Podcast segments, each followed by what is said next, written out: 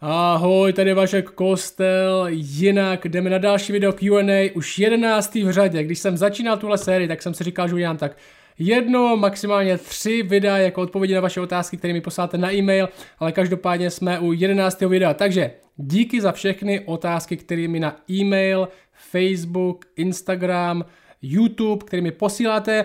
Někdy mi trvá trochu, trvá trochu díl, než na ně odpovím, je to hodně, zároveň máme práci hodně s kostelem, jinak, což je moje hlavní práce, tohle dělám ve svém volném čase. Takže děkuji za ně. Jestli chcete, abych si těch otázek všimnul, tak mi nejlíp pište na e-mail. Jestli máte nějaké otázky ohledně Bible, víry nebo života obecně, pište vašek zavináč kostel.cz.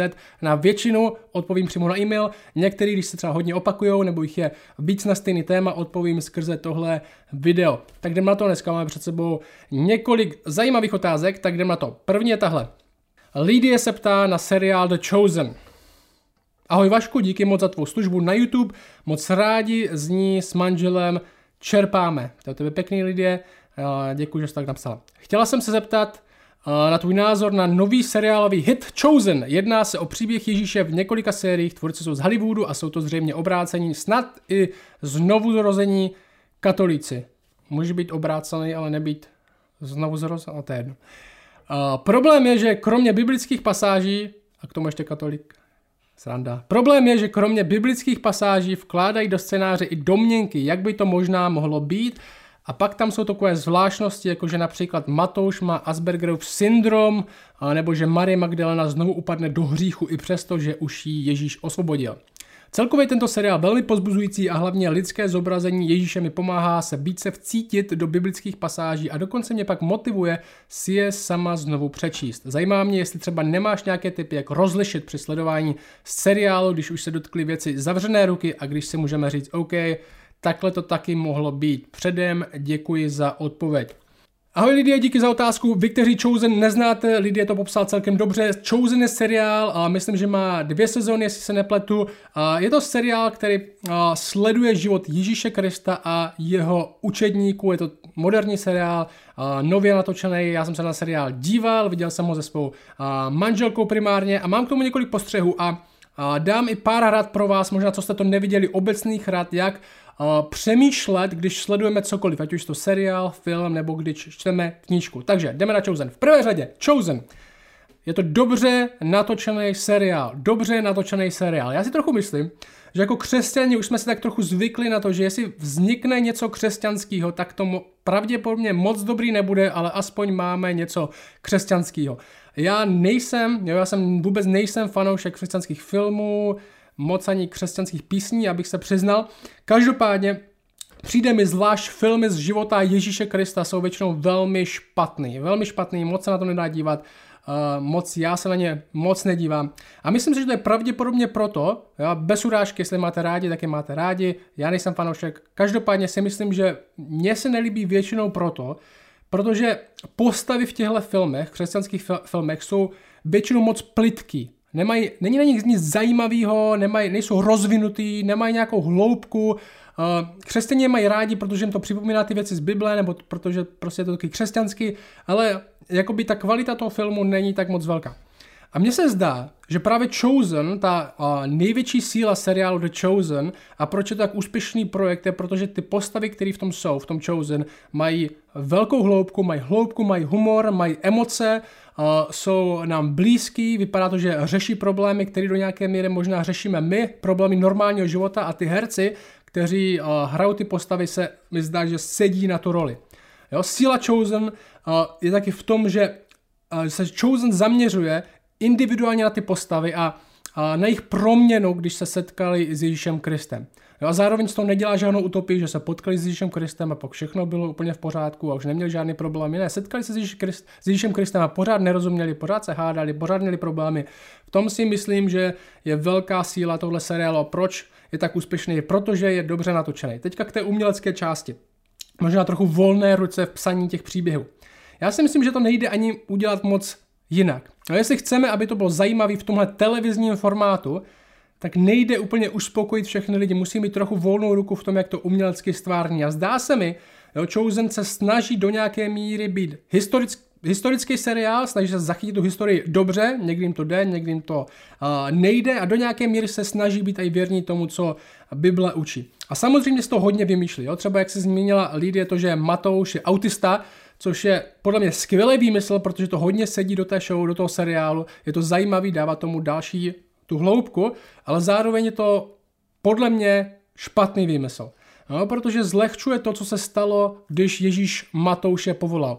Matouš byl celník, Matouš byl výběrčí daní, který vybíral daně, v tom seriálu to autista Matouš a lidi opravdu nenáviděli výběrčí daní. Jo? V tom seriálu je to trochu uh, vystihnutý, že lidi nemají rádi výběrčí daní, byli to zráci, pracovali pro Řím a na to ještě výběrčí daní kradli do vlastní kapsy, protože vybírali víc, než co museli vybírat a lidi je prostě nenáviděli. A takového člověka by byl říká, že Ježíš povolal. A ten seriál to trochu zjemnil. Chosen udělal z Matouše autistu, který tak trochu sám oběť, lidi ho nemají rádi, protože je takový divný, je autista, sám neví moc, co dělal, prostě umí počítat.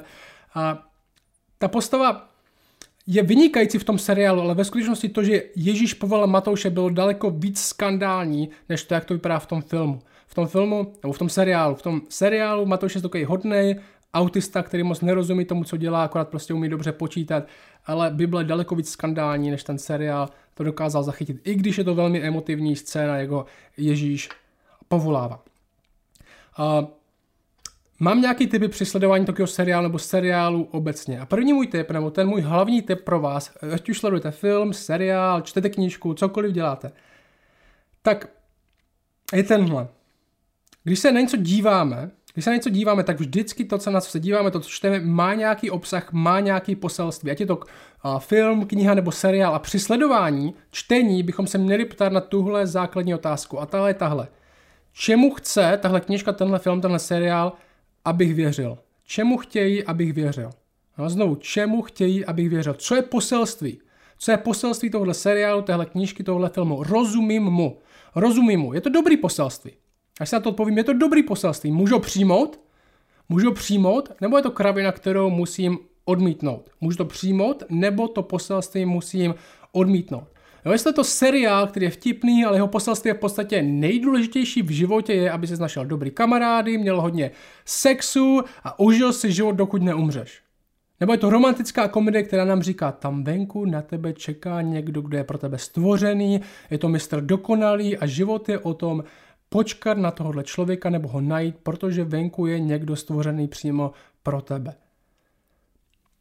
Co je poselství toho filmu, seriálu, co se nám snaží namluvit, o čem se nám snaží říct, že život je? Co to je? Co je poselství? A teďka, jenom protože, když najdeme to poselství, jenom protože s tím závěrem nesouhlasím, neznamená, že se na ten seriál nemůžu dívat. Jo, hodně lidí by třeba, možná hodně křesťanů z konzervativní by řeklo, jestli tenhle film není o Ježíši, nebo nemá, uh, v závěru není evangelium, tak bychom to měli zavrhnout, neměli bychom se na to dívat, pouštět si jenom gramofonovou desku, uh, kde Johnny Cash zpívá o Ježíši. Tohle není můj pohled. Poselství filmu, knížky, seriál celkově můžu buď přijmout nebo odmítnout. Nemusím věřit tomu, co se mi snaží ten film namluvit. Dává to smysl? Bu můžu se dívat na film, můžu se dívat na seriál, jakýkoliv v podstatě, ne jakýkoliv, do nějaké míry jakýkoliv, ale s rozvahou. S rozvahou. A tu někteří lidi mají a někteří ne. Někteří lidi se můžou dělat navíc věcí než někteří další lidi. Jo? My se můžeme dělat třeba na seriál Přátelé, jo, Friends, zasmát se všechno tomu, jsou tam dobrý vtipy, ale někoho to nahlodá, dívá se na Friends, dívá se na Joeyho a dívá se prostě na všechny ty, co tam dělají a někoho to nahlodá a bude se mu drát pomalu do hlavy, že dobrý život vypadá být jako Joey. Jo, nebo se můžeme dělat na seriál třeba How, How I Met Your Mother, jo, to byl hodně populární seriál před nějakýma doma. Je tam vynikající humor, zvlášť v těch prvních sezónách, pak to šlo trochu z kopce, ale život není o tom být jako Barney nebo být jako Ted z toho seriálu. A spousta kluků venku, protože neumí rozlišovat, berou jenom to, co vidí, vidí, je to vtipný, je to dobrý, tak to berou pro sebe a spoustu kluků venku se snaží být jako Joey nebo jako Barney, ale jsou to jenom blbečci, kteří nechápou, o čem život je. Když se dívám, tak se ptám, čemu chtějí, abych věřil. Kdybych mohl schrnout myšlenku toho filmu nebo toho seriálu do věty, dobrý život je dvojtečka. Dobrý život je o dvojtečka. Musím, můžu jejich závěr přijmout nebo ho musím odmítnout.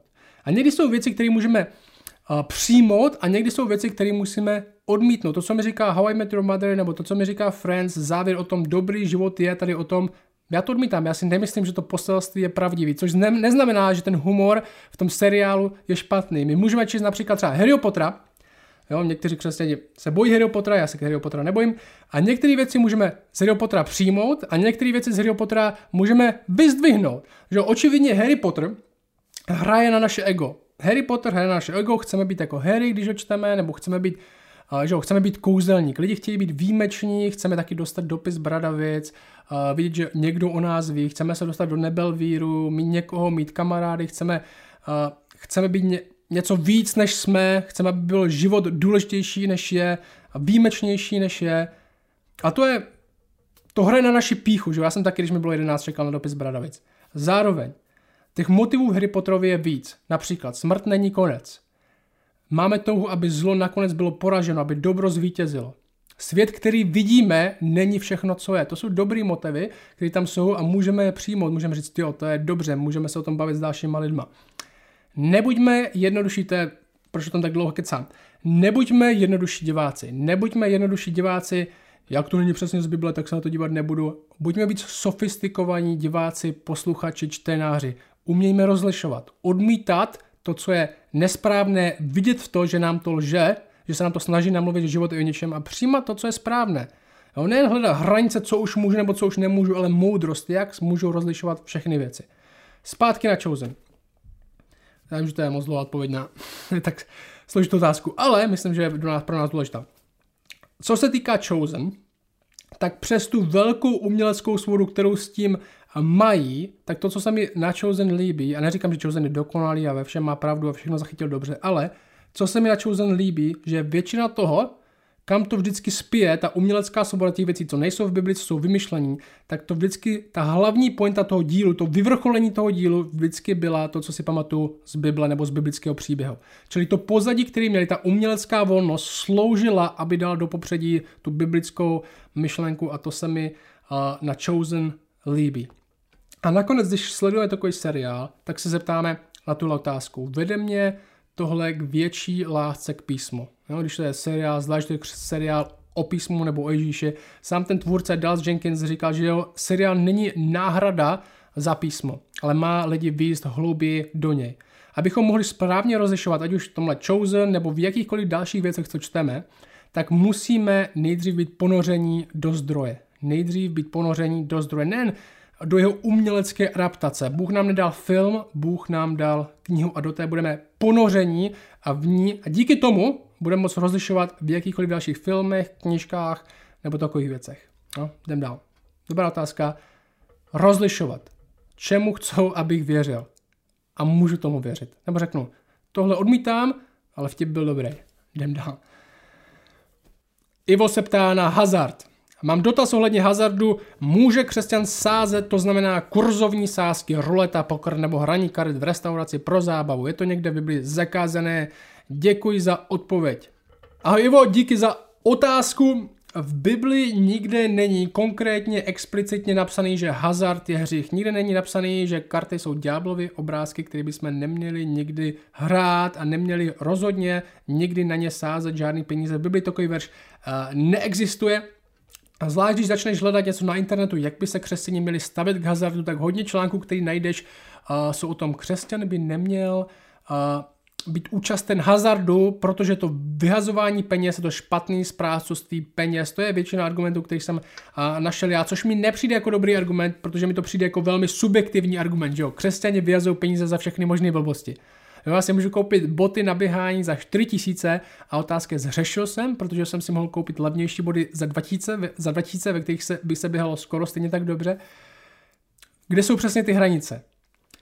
S tímhle já si myslím, že hazard dost pravděpodobně hřích může být, je minimálně nebezpečný a hříšný rozhodně může být. A já ti dám nějaké moje pozorování, kdy si myslím, že hazard je špatný a možná podle čeho bys mohl ty sám poznat, že by se z hazardu měl vzdát. A to platí pro tebe, Ivo, a platí to pro všechny, kdo tohle poslouchají a možná hazardem trochu uh, laškujou, nebo, by slovo, uh, hazardem víte, co myslím. Prostě nějak hazardí.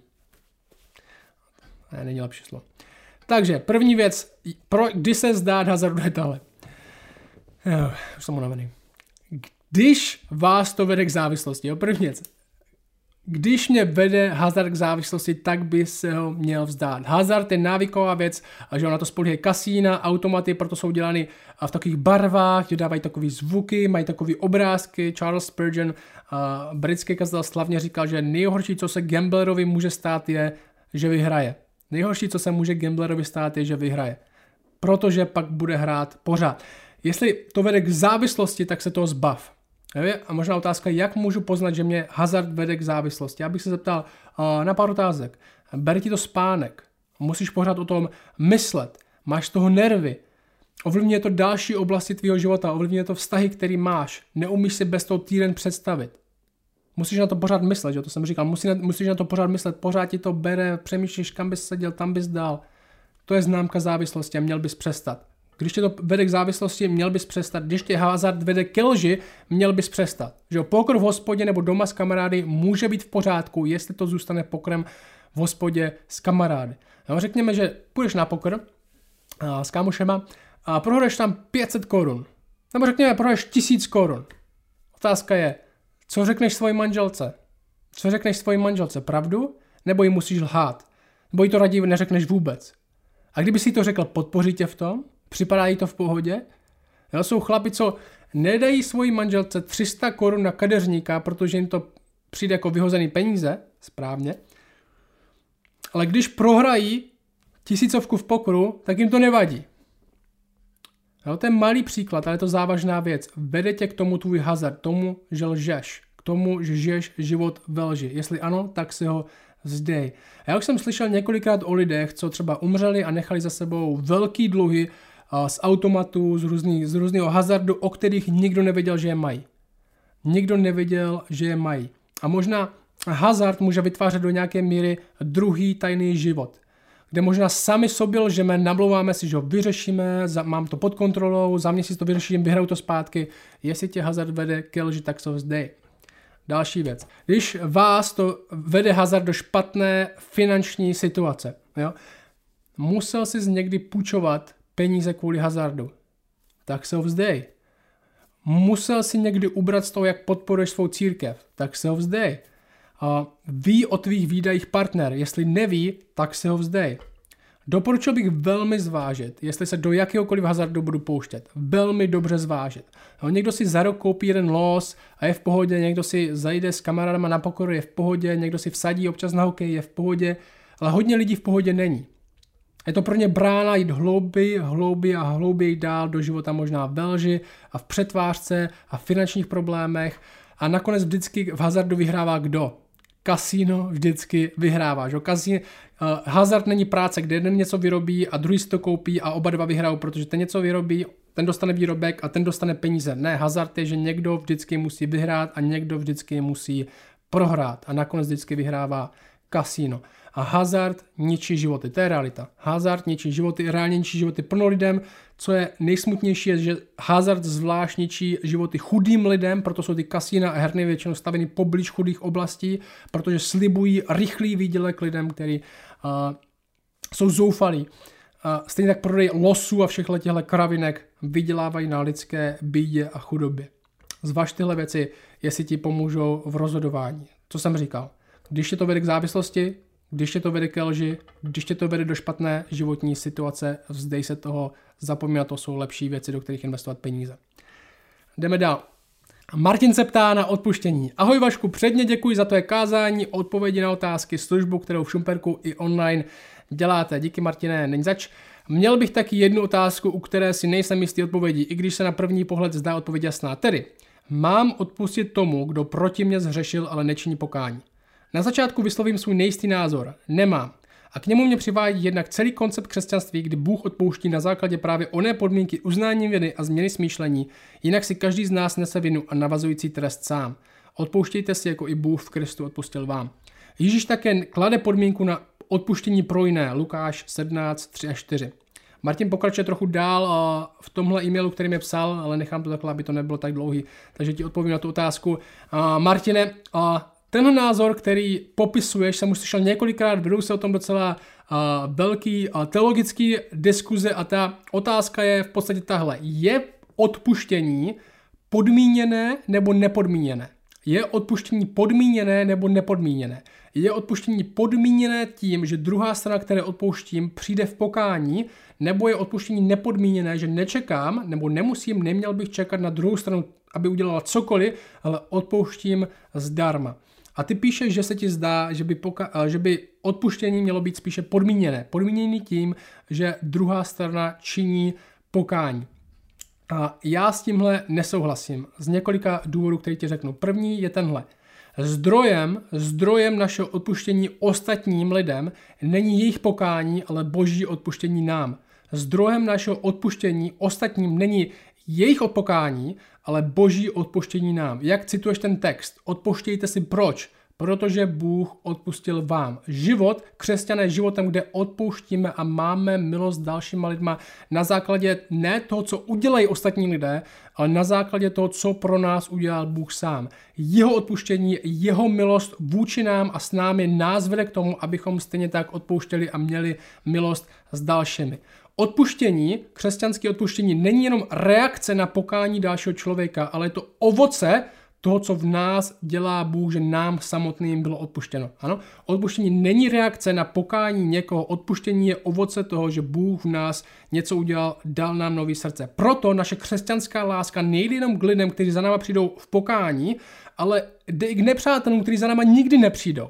Jo, Lukáš říká, milujte své nepřátelé, dobře čiňte těm, kteří vás nenávidí, žehnejte těm, kteří vás proklínají, modlete se za ty, kteří vám činí příkozy. Jo? Podívej se na ten text. Nejen ty, kteří za váma přichází s omluvou, jo, tohle nutně milovat někoho, modlat se za ní, žehnat jim, tohle nutně musí znamenat i odpuštění, jestli chceme někoho milovat a žehnat mu. Takže první, zdrojem našeho odpuštění není pokání někoho jiného, není skutek někoho jiného, je to, co Bůh dělá v nás. A druhý můj bod je, odpuštění je otázka našeho srdce. Odpuštění je otázka našeho srdce. Odpouštíme ne protože si o to někdo řekl, ne protože si o to někdo řekl, ale protože nejsme soudci toho člověka a nemstíme se tím, že zadržíme odpuštění, dokud si to pokání uh, trochu neodpracuje, dokud si neodpracuje, nebo to odpuštění trochu neodpracuje pokáním. Neodpuštěním, když někomu neodpustíme, když zadržujeme to odpuštění, tak děláme ze sebe soudce a arbitra toho člověka, říkáme, ještě si, poká, ještě si odpuštění nezaslouží, dokud, dokud něco neudělá. Neodpuštění je pak nějaká forma naší možná msty nebo soudu. Odpuštěním z naší strany neomluváme jeho hřích, ale předáváme ho Bohu dál. Nedržíme to v sobě a proti němu, ale předáváme to Bohu. Římanům 12.19 říká například, Nemstěte se sami milovaní, nýbrž dejte místo božímu hněvu, nebo ti napsáno, mně patří pomsta, já odplatím pravý pán. Jo, teda, a, to předávání. A stejně to vidíme, Ježíšov postoj je podobný, tohle vidíme v 1. Petrovi 2, 23 a tam se píše tohle, když mu spílali, Ježíš je neodplácal spíláním, když trpěl, nehrozil, ale předával vše tomu, jen soudí spravedlivě. Odpuštění je naše srdce před Bohem, je naše srdce před Bohem, kde my předáváme všechny naši při, pocit, že my musíme soudit nebo se pomstít a u toho nemusí být někdo další, k tomu nepotřebujeme, aby někdo činil pokání. Třeba v Markovi v 11. kapitole je napsané, že i v modlitbě zkoumáme, jestli potřebujeme někoho odpustit. Koukej na tohle, Marek 11.25. Tam se píše, a kdykoliv stojíte a modlíte se, odpouštějte. Máte-li proti někomu něco, aby vám i váš otec, který v nebesích odpustil vaše přestoupení. Jo, všimni si první Všimni si dvou věcí. První je tahle, když se modlíme, tak máme odpouštět lidem. V tomhle momentu modlitby, v tom momentu modlitby, když se modlíme a, a napadne, nás, že, napadne nás, že máme něco proti někomu nebo že nám někdo ublížil, tak máme odpustit. Nečekáme, až za náma přijde s pokáním, ale odpustit v tom momentě v té modlitbě. A druhá věc je tahle. Aby i váš otec odpustil vaše přestoupení. A ten text je o tom, že Odpouštíme na místě lidem bez toho, aniž by si o to řekli, protože takhle neseme ovoce svědčící o božím odpuštění nám. Takže to je můj druhý bod, je to o našem srdci, odpouštíme i v modlitbě. Třetí bod je ta pasáž, která se na to používá zvlášť z Lukáše 17, to ve skutečnosti neučí. Pojďme se na tu pasáž, ty si tam používal taky. No, vypadá, že to učí, vypadá to docela jasně, že to učí, tam je, to je třetí verš. Zhřešili tvůj bratr, pokárej ho a uználi svou vinu, odpust mu. a zřešili proti tobě sedmkrát za den a sedmkrát se k tobě obrátí se slovy uznávám svou vinu, odpust mi, odpustíš mu. Ten text doslova říká, místo uzná svou vinu je, je, že činí pokání. A říká, učinil jsem pokání, činil pokání, odpusti mu. Ale všimni si, na čem je důraz. Jo? Hodně lidí tohle používá. Vidíš je? Takže máme odpouštět někomu, kdo za náma přijde, přijde a řekne, činil jsem pokání. Nebo o kom vidíme, že činí pokání. Ale všimni si, na čem je důraz v tomhle textu. Není až na tom, činil jsem pokání, ale na tom, kolikrát to bylo. Ten text říká sedmkrát za den. Vem si tady tohle příklad. Řekněme, že k tobě přijde takový borec a ukradne ti peníze z peněženky. Jo, ty to zjistíš, jo, a on za tebou přijde, to uznávám svou vinu, neměl jsem to dělat, ukradl jsem ti peníze z peněženky. Činil jsem pokání, obrátil jsem se, už to nikdy neudělám a ty řekneš, dobře, je ti odpuštěno. A ten text říká, že ve stejný den, jo, ten text to schválně říká, ve stejný den to udělá znovu a znovu a znovu a znovu a znovu a znovu a znovu. Sedmkrát to udělá znovu. Ta pointa je, že jeho pokání nebylo opravdový, že pokání ve skutečnosti nedělal. To je ta pointa. Pokání není jenom uznání viny, jak ČSPčko tady říká, pokání je obrácení, je změna chování. Ta pointa je, i kdyby jeho pokání nebyl opravdový, což tady očividně není, protože pokání je změna, tak je důležitý, abychom odpustili. I naproti tomu, že jeho pokání není opravdový. A další bod je tenhle. Bůh nám tak odpouští. Jo? Jestli máme odpouštět, jak odpouští Bůh, jak Bůh odpouští. Tohle je Efeským 4, 31, odtud je ten text. Všechna hořkost, zuřivost, hněv, křik a rohání, ať jsou od vás odňaty zároveň ze vší špatností. Buďte k sobě navzájem laskaví, milosrdní a odpouštějte si navzájem, jako i Bůh v Kristu odpustil vám. Otázka v tomto textu je, že máme odpouštět přesně, jako Bůh v Kristu odpustil vám, že on je ta šablona na to, jak přesně máme odpouštět, nebo to máme dělat jako v tom textu předtím, Protože nám bylo odpuštěno, jak nám v Kristu Bůh odpustil, tak bychom měli odpouštět i my. Ale odpověď je tahle. Bůh nás v Kristu miloval, umřel za nás, zatímco ještě my jsme byli hříšní. Dává nám milost a odpouští nám v jeho krvi je odpuštění v tom, co udělal on, ne v tom, co jsme udělali my. Ano, Bůh odpouští, já s tím souhlasím, co říkáš, ano, Bůh odpouští nakonec jen těm, kteří činí pokání. Těm, kteří neční pokání, odpuštěno nikdy nebude. Ale jeho odpuštění a jeho milost první vytváří pokání. Naše pokání nevytváří jeho odpuštění. Bůh nám dává milost, Ducha Svatého, mění nám naše srdce, ne kvůli ničemu, co je v nás a to způsobuje, že přicházíme v pokání a ve víře za ním. Je to jeho milost, která nám do pokání vede, ne naše pokání, kterou jeho milost způsobuje. Vidíš ten rozdíl? Jsme povoláni a proto my se jako křesťané jsme povoláni odpouštět bezpodmínečně. Proto je to tak radikální povolání. A proto tak složitý často. A zároveň odpuštění, možná líp řečeno, odpuštění neznamená nutně smíření. Jenom protože někomu odpustíme, neznamená, že jsme zase kamarádi. K tomu potřebujeme ty dvě strany smíření. Neznamená to, že se dvě strany smíří, k tomu to potřebujeme obě, neznamená to, že chovat se, jako by se nic nestalo, odpuštění neznamená, že se ne, nepou, nepoučíme z toho, co se stalo, znamená odpuštění nebo neodpuštění, nebo odpuštění, ale odpuštění znamená nedržet, nedržet v sobě cokoliv, co by nám zabranilo druhého milovat a žehnat mu. Odpuštění znamená nedržet v sobě nic, co by nám zabraňovalo druhého milovat a žehnat mu. A tohle má být pro křesťany bezpodmínečné jak k přátelům, tak nepřátelům. Jdeme na další otázku. Členství v církvi, Janek se ptá. Jak je to se členstvím v církvi? Bible o tom nějak zvlášť nemluví a znám bratry, kteří do církve pravidelně chodí, jsou aktivní ve službě i finanční podpoře, ale vstoupit nechtějí, protože Bible o, to, o členství nemluví. V první církvi taky asi neměli členství. Vím, že je potřeba kvůli našim zákonům, aby církev byla státem uznaná, musí mít členy a podobně, ale je i jiný závažnější duchovní důvod? Tohle je dobrá otázka, mají víc lidí. Proč bych se měl stát členem nějaké církve, je to moc oficiální. Bible, slovní spojení členství v církvi neobsahuje a ani nikde nemluví, že by lokální církev měla mít někde napsaný seznam jejich členů pro lepší administraci nebo něco takového. Člen, církevní člen není slovo, který uh, najdeme v Bibli. Když mluvíme o členství, a já věřím, že lidi by se měli stát členy církve, když mluvíme o členství v církvi, tak mluvíme víc o konceptu toho, nebo o schrnutí biblického učení. Jo? Řeknu vám svoji definici a, toho konceptu, jo? zkusím to. Zkusím to i napsat na obrazovku. když mluvíme o členství v církvi, tak mluvíme víc o konceptu, který schrnuje biblické učení o tom, jaký je závazek jednotlivce vůči místnímu společenství a jaký je závazek místního společenství vůči němu. Jaký je závazek jednotlivce vůči místnímu společenství a jaký je závazek místního společenství vůči němu. Protože Bible o tomhle mluví. Bible o tomhle mluví různě, neříká tomu členství, ale říká, ale mluví o tom na různých místech a členstvím se snažíme tenhle koncept, který vidíme v Novém zákoně, schrnout do toho, jak to může vypadat. Může tom přemýšlet podobně jako o slově trojce. Jo, slovo trojce není někde v Bibli, slovo trojce je vymyšlený výraz, je to koncept, který se snaží schrnout, jak Bible mluví o tom, kdo je Bůh. Otec, Syn a Duch Svatý. A podobně to s členstvím v církvi. Je to koncept, který se snaží schrnout roli člověka vůči místnímu společenství a roli místního společenství vůči tomu člověku. My nevíme úplně přesně, jak to první církvi bylo, ale pár zjevných věcí, co se tam dělo, tak zjevných je. Lidi byli už od začátku, od skutku, očividně součástí místního společenství a byl u nich závazek, že právě tohoto společenství součástí jsou. První takový vodítko je, že církev má svoji strukturu.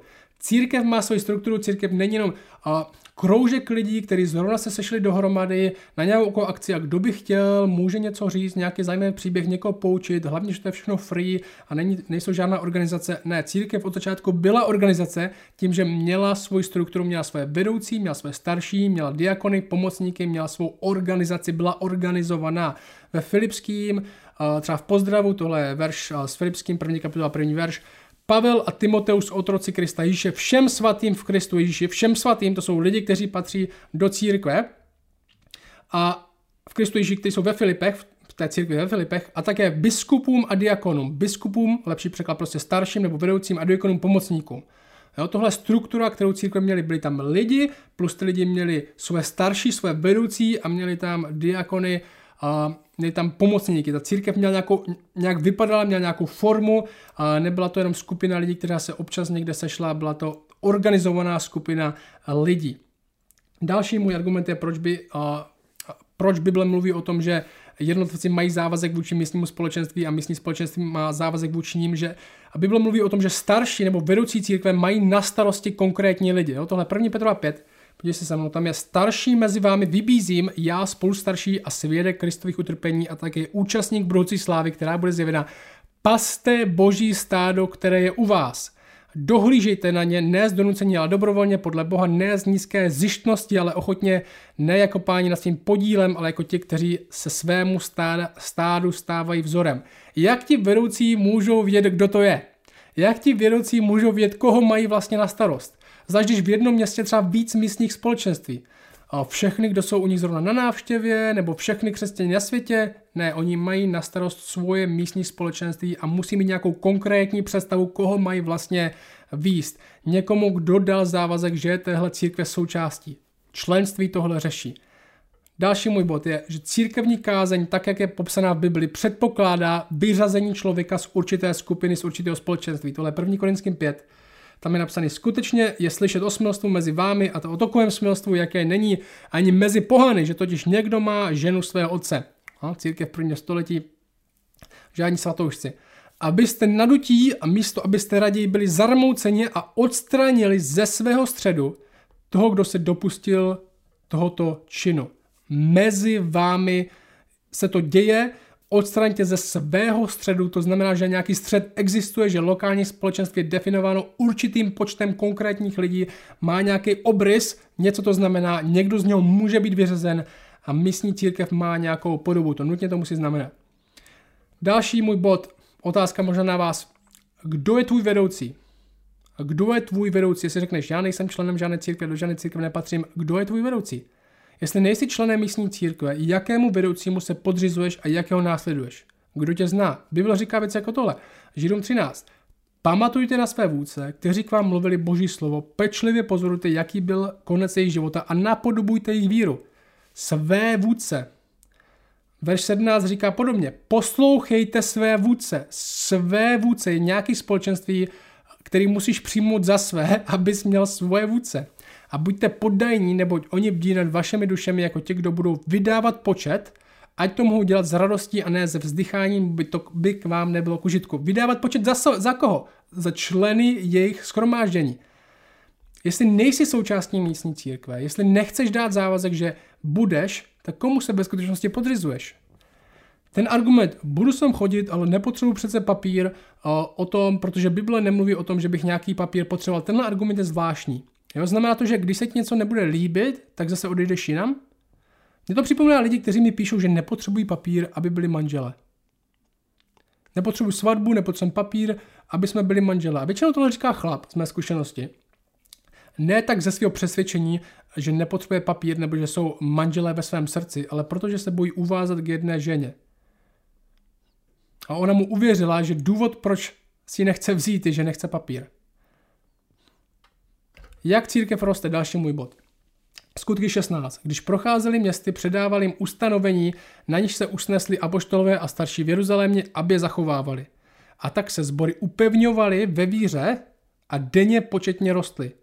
Početně rostly o koho? O návštěvníky, kteří náhodou přišli v neděli, o posluchače, ne o učedníky kteří dali závazek, že tohle lokálního společenství jsou součástí společenství, kde má své vedení, má své nástroje k učednictví, které nejsou jenom v neděli, kde lidi skrze dary sobě navzájem slouží v duchu svatým, mají svoje členy. A otázka jak tohle členství může vypadat. Většinou, když slyšíme členství, tak si říkáme, no, budu muset něco podepsat nebo se stát členem nějaké právní organizace. Členství není nic víc než přiznání se, do téhle církve patřím a chci patřit. A ten závazek může být skrze slib, při křtu, může to být papír, to je jedno, to ať se to církev vyřeší jak chce. Může to být součástí právní organizace, jako je u nás církve bratrské, nebo to může být součástí jakýkoliv schromáždění někde jinde, nemusí to vůbec být někde na papíře napsaný. Na tom nesejde. Jde o to, že místní církve od začátku v Bibli věděli, kdo je jejich součástí a kdo není. Vedoucí věděli, o koho se mají starat a o koho se starat nemají, protože oni nechtějí být součástí jejich místní církve. S lidmi, kteří byli součástí, se zacházelo jinak než s lidmi, kteří byli mimo pastorální péče, kázeň, učednictví. U nás na kostele, tak jak je to u nás, my neříkáme, že se úplně někdo stává člen naší církve, my říkáme, že se někdo stává domácím. To je, jak vyjadřujeme to členství u nás. Někdo se stává domácím. Už tady není jenom host na kostele jinak, ale stává se někým, kdo je tady doma. Už není na návštěvě, už je doma, stává se domácím a má taky odpovědnost jako domácí, který pečuje a buduje svůj dům a zve ostatní do něj. Už je domácí, už není host. Takhle my třeba vyjadřujeme členství u nás. Někdo se stává domácím, byl host, už je domácí. Od začátku a mají církve lidi, o kterých ví, že patří do nich. To je, to, to je ten koncept toho členství. Takže ano, členství je biblická věc, podle mě, která je vyjádřena různě v různých církvích. A jdem dál. OK, poslední otázku, kterou máme, je o prachách. David se ptá na desátky. Ve skutečnosti má dvě otázky. A říkal jsem si, že zajímavá, taky zařadím taky. David se ptá, za prvé, setkáváš se už s nějakými negativními reakcemi na své videa slova uvnitř CB či od křesťanů CB jako církve bratrská, protože jsme i součástí téhle denominace jako kostel jinak, či od křesťanů z jiných denominací. A druhý, druhá otázka, ta hlavní, na kterou se zaměříme, jak je tvůj postoj k desátkům, jak se Bible staví k desátkům a lze biblicky vyvodit desátek i novozákonním závazkem pro každého křesťana. Tak, první, ta první otázka. Uvnitř CB, církve bratrské, které jsme součástí, se s negativními reakcemi moc nesetkávám. Jo? CB je docela dobrá v tom, že udržuje vztahy mezi sbory, aspoň teda mezi kazateli. My máme dvakrát za rok pastorální konferenci, která je dva nebo tři dny, je tam, jsou tam všichni kazatelé a vikáři, nevím kolik nás je 100 nebo 120 a Úplně se moc negativními reakcemi nesetkávám, občas jsou nějaký uh, narážky na to, že jsme reformovaní, nebo že jsme kalvinisti, což se v České republice moc nenosí, kalvinista je prostý slovo, a většinou lidí, kteří tomu moc nerozumí, nebo jsme moc konzervativní, tak možná narážky na to, a protože jsme reformovaní nebo kalvinisti v CB, z těch nevím, 100 něco kazatelů, asi tři, moc nás není, uh, nebo dva a půl by se dalo říct uh, bez urážky. A, a ale v sebe moc negativní reakce nejsou. V sebe má velmi přátelskou atmosféru, se mi zdá, minimálně mezi kazateli od jiných křesťanů. To už je jiná historie, občas dostanu na e-mail nějaký hnusný, nějakou hnusnou zprávu nebo na sociálních sítích. Uh, moc mi to nevadí. Zajímavě je, dost často mi píšou adventisti hnusné zprávy. Jo, to není nic proti adventismu, proti němu mám jiný výhrady, ale z nějakého důvodu. Uh, nebo lidi, co jsou úplně mimo, takže to vůbec neřeším, nevadí mi to. Uh, ale občas dostanu dostanu, no. Každý podle mě, kdo něco dělá viditelně, a to schytá stejně tak, to je prostě už to riziko. A k té druhé otázce, k té hlavní důležitější. Měli by křesťani dávat desátky do církve, je to něco, uh, co by křesťani měli dělat jako povinnost. Co je to, co je to za koncept? Ne? Možná jste slyšíte slovo poprvé, myslím, že ne. Je to koncept toho, že by člověk, věřící člověk měl desátek přispívat 10%, nebo 10% ze svého platu, svého výdělku do místní církve, proto se tomu říká desátek, je to 10% toho, co vydělal a měl by to dělat nejlépe, někteří učí každý člověk. Otázka je, odkud se tohle, tenhle koncept vzal, že by člověk měl přispívat, dávat 10% z toho, co viděl nebo co má do církve a, nebo někam. Tohle je starozákonní koncept, jo? koncept ze starého zákona. První jsme, se můžeme setkat, jak Abraham potká Melký Sedeka, kněze Boha nejvyššího v Genesis 14 a dá mu desátek ze všeho, co měl. Pak v Genesis 28 Jákob zaslibuje, že Bohu dá desátek ze všeho, co má. Tam vzniká ten pojem desátek, že tyhle dva dávají Abraham a Jákob jeden to má Melkizedekovi, druhý to slibuje Bohu, že mu dají desátek, ale ten hlavní pojem desátky, tak jak Izrael praktikoval desátky, najdeme v Levitiku, v Numery, v Deuteronomiu, v těch prvních, součástí těch prvních pět knih Tóry, kde dával desátek všeho, co měl Bohu, dával desátek ze země, z úrody, z potravin a taky dával desátek kněžím, dával desátek levitům, kteří měli na starosti bohoslužbu a neměli svou vlastní zem a ty pak ty kněží sami dávali desátek nejvyššímu knězi. Jo, a té Izrael dával desátek, ale nedával desátek jenom jeden, dával ze všeho možného, bylo jich víc, pravděpodobně těžko určit kolik. A rozhodně dávali více jak 10% toho, co měli, pravděpodobně minimálně 20% toho, co měli. A otázka je to, co praktikoval Izrael, dávání desátků ze země, z výdělku, kněžím, těmhle lidem. Odpověď platí to pořád pro křesťany. Měli by křesťané dávat 10% svého platu. Když vyděláš 20 tisíc, měl bys 2000 uh, dát do sbírky, nebo měl bys ho dát uh, do kostela, protože křesťané jsou povinni dávat desátek. Platí to pořád? Krátká odpověď je ne, neplatí. Ne, neplatí. Jako křesťani nejsme pod Mojžíšovým zákonem. Příklady z Genesis pro nás nejsou normativní pro náš život a, a zákon pro nás už není závazný. Nikde v novém zákoně křesťanům není řečeno, že by měli dávat desátek ze svého platu do místní církve. Ale s tím řeknu jenom věc, ale ale zároveň jsou křesťani povoláni, aby dávali. No? A já vím, že o penězích se lidem moc slyšet nechce, protože lidi nechcou, aby jim, slyš, jim lidi šáli na penězi, na peníze, zvlášť církev. Každopádně, Bible říká, že máme dávat peníze, že máme být štědří s tím, co máme. První je, jsme součástí místní církve. Bible říká, abychom podporovali ty, co kážu a co vyučují. Tohle 1. Timotova 5.17 říká, starší, kteří zastávají dobře svůj úřad, jsou hodní dvojicti a zvláště ti, kteří se namájí kázáním a vyučováním. Tohle není jenom čas, že si řekneš, o, je dobré, tohle je čas ve spojení uh, s penězi, protože o tom ta kapitola pát, pátá, pátá je.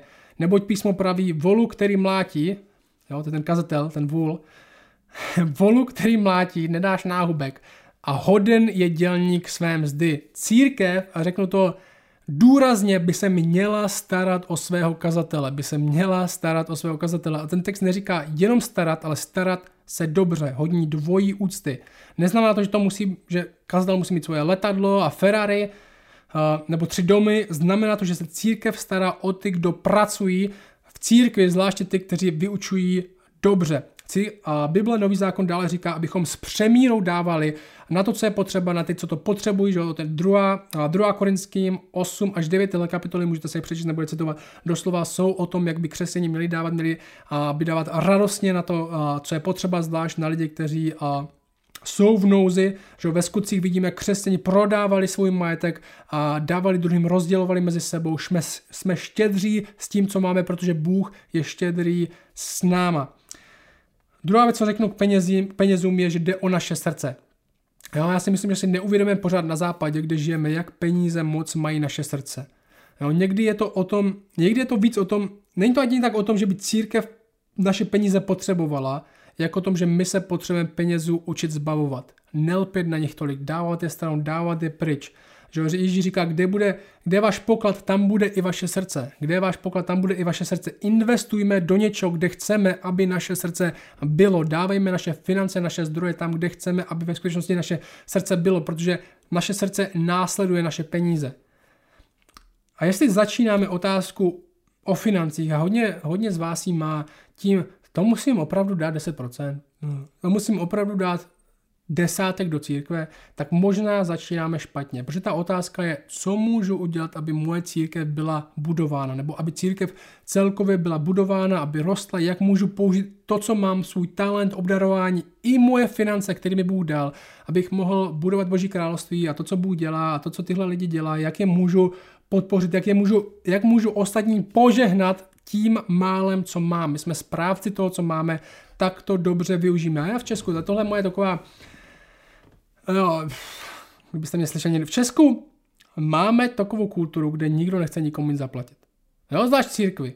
Kazatelé nejsou, jo, naproti tomu, co si někdo myslí, kazatelé nejsou zvlášť dobře placení lidi. Jo, jestli nejste součást nějaké sekty, kde prostě všechno penězí, kazatel musí mít čtyři auta a, a nikdo neví prostě, uh, kolik má peněz a jenom mu všichni peníze dávají, tak neříkám, ale obecně kazatelé nejsou zvlášť dobře placení. A já si říkám, co kdybychom ten trend zlomili? Já neříkám, že by kazatelé to měli dělat po pro peníze, nebo měli by mít tři Ferrari a dvě letadla, ale moje výzva tobě je požehnejte vašeho kazatele, jo, ne mě, vašeho kazatele finančně trochu. Já řeknu vám, co mě vždycky dostává, když už se o tom bavíme. Kazatelé často Kazatelé jsou často zváni, aby někde kázali, aby někam jeli a tam kázali. Jo? Přijde ti e-mail a prosím, abyste, jestli nemůžete kázat u nás prostě tady uh, někde na konci republiky, mimo tvoje společenství. A víte, co to znamená většinou pro kazatele? Když vás někdo někam pozve kázat? Jestli jenom nechcete zopakovat nějaké svoje kázání, tak to znamená 10 hodin práce na tom kázání. Potom to znamená 2 až 3 hodiny autem někam, tam a zpět, čili 6 hodin v autě. A pak to většinou znamená řekněme 4 hodiny na tom místě, kde máte kázat. To je 20 hodin jeho života v tom týdnu. 20 hodin práce. A řekněme, kdybychom dali nějakou standardní sazbu, řekněme malou sazbu se mi zdá, 250 korun za hodinu. To je cca 5000 korun čisté práce plus výdaje na cestu. No, což je benzín, cesták. Celkově bych řekl 7000 korun za to, aby někdo přijel někam kázat. 7000 korun, reálná cena. Reálná cena. V Česku jste rádi, když vám církev, když vás pozve někam kázat, jste rádi, když vám dá dostatek, abyste vůbec zaplatili benzín. To je realita. A ne proto, že na to církev většinou nemá, jo? církev si zrovna koupila nový židle za 200 tisíc. Ne protože na to nemá, ale protože nechce. Protože ten trend v Česku, ta kultura je, že kazatel je služebník a měl by pracovat zadarmo. Kde jinde přistupujeme k lidem tak, takhle, který neznáme? Jo? Představte, že bych na, někomu napsal, ahoj, narazil jsem na tebe na internetu, slyšel jsem, že umíš výborně sekat zahradu. Mám tu práci na zahradě tak na 10 hodin, přijď prosím. Zaplatím za benzín. A odpověď je, tak kazatel je služebník. A tedy, a tedy, a tedy, ano, kazatel je služebník. A proto jich to taky hodně zadarmo dělá. A co ten trend trochu zlomit? Ten kazatel má rodinu. Musí platit účty stejně jako ty. Přemýšlí, jak opravit svoje auto. Přemýšlí, kde bude bydlet. Přemýšlí, jak zaplatit elektriku v roce 2022. Co ten trend trochu zlomit? Příště, až budeš po někom chtít, aby 20 hodin pracoval, co mu to zaplatit? Možná, až budete chtít někoho pozvat někam, dejte mu víc, než čekal. Zkusme nabourat trochu ten trend a být štědří s tím, co máme. A hlavně vůči těm, kteří pracují v církvi. Nen skazateli, ale celkově být štědří. A u někoho to může znamenat, těm desátkům se vraťme, u někoho to může znamenat, že bude dávat 30% z toho, co má. U někoho to bude znamenat, že bude dávat 50% z toho, co má. U někoho to bude znamenat, že bude dávat 5% z toho, co má a i tak to pro něj bude hodně. Ale bude to pro něj oběť, kterou dal. Lidi nejsou povoláni v novém zákoně, aby dali přesně 10%, přesto nejde vlak a když tak si puč. My jsme povoláni, aby jsme dávali štědře a obětavě a pro hodně z nás to bude znamenat hodně jiných věcí. A otázka není, kde je ta hranice. Řekni mi, kolik mám dát a já to budu dávat. Na jak je na tom tvé srdce? Jsi štědrý s tím, co máš. Jsi dobrý správce peněz, který máš. Jsi obětavý v dávání. A církvem, jako církvem, můžeme jít naproti lidem a pomoct a lidem dávat tím, že budeme transparentní za to, za, za, za to budeme transparentní v tom, za co peníze utrácíme. Na kostele jinak naši členové dávají svůj příspěvek, my děláme závazky, u členů se jich zeptáme, kolik jsi schopný dát, děláme to myslím, že na 6 měsíců a pak to znovu opakujeme tenhle závazek a lidi posílají, aby jsme věděli, jak můžeme fungovat, jak můžeme postavit rozpočet a tak. Ale zároveň každý rok máme setkání, kde jsme transparentní v tom, kam všechny ty jejich peníze jdou. I můj plat není na kostele jinak tajemstvím. Jednou za rok máme PowerPoint prezentaci a máme všechno, co jsme přijmuli, všude, kde se to utratilo, včetně mého platu a taky máme nějaký plán do budoucnosti, co chceme vybudovat, co chceme postavit, na co chceme přispět, co chceme budovat a kolik si myslíme, že to bude stát a kolik potřebujeme společně na to vybrat. Nemáme žádné tajemství. Já myslím, že církve můžou jít naproti lidem, kteří pochybují, kolik mají dát, tím, že budou transparentní, na, na co utrácejí. Myslím, že církve, který je všechno tajemství, nikdo neví, kolik má kazatel, nikdo neví, za co se vlastně utrácí, nikdo neví, kolik se vybralo. Tohle se mi nelíbí. Já bych, taky bych měl problém takovou církev podporovat. Buďme transparentní, jak peníze utrácíme a buďme radikálně štědří, jak peníze dáváme. Nový zákon nedává povinnost na křesťana dávat desátek, do církve křesťan věřícím vázan není. Křesťana nepohání zákon, ale nové srdce. Křesťana nepohání zákon, ale nové srdce, které chce být štědré, protože Bůh byl štědrý s ním. A to je všechno pro vás dneska malé Q&A a uvidíme se zas možná někdy příště za hodně dlouho, nebo za brzo uvidíme. Čau.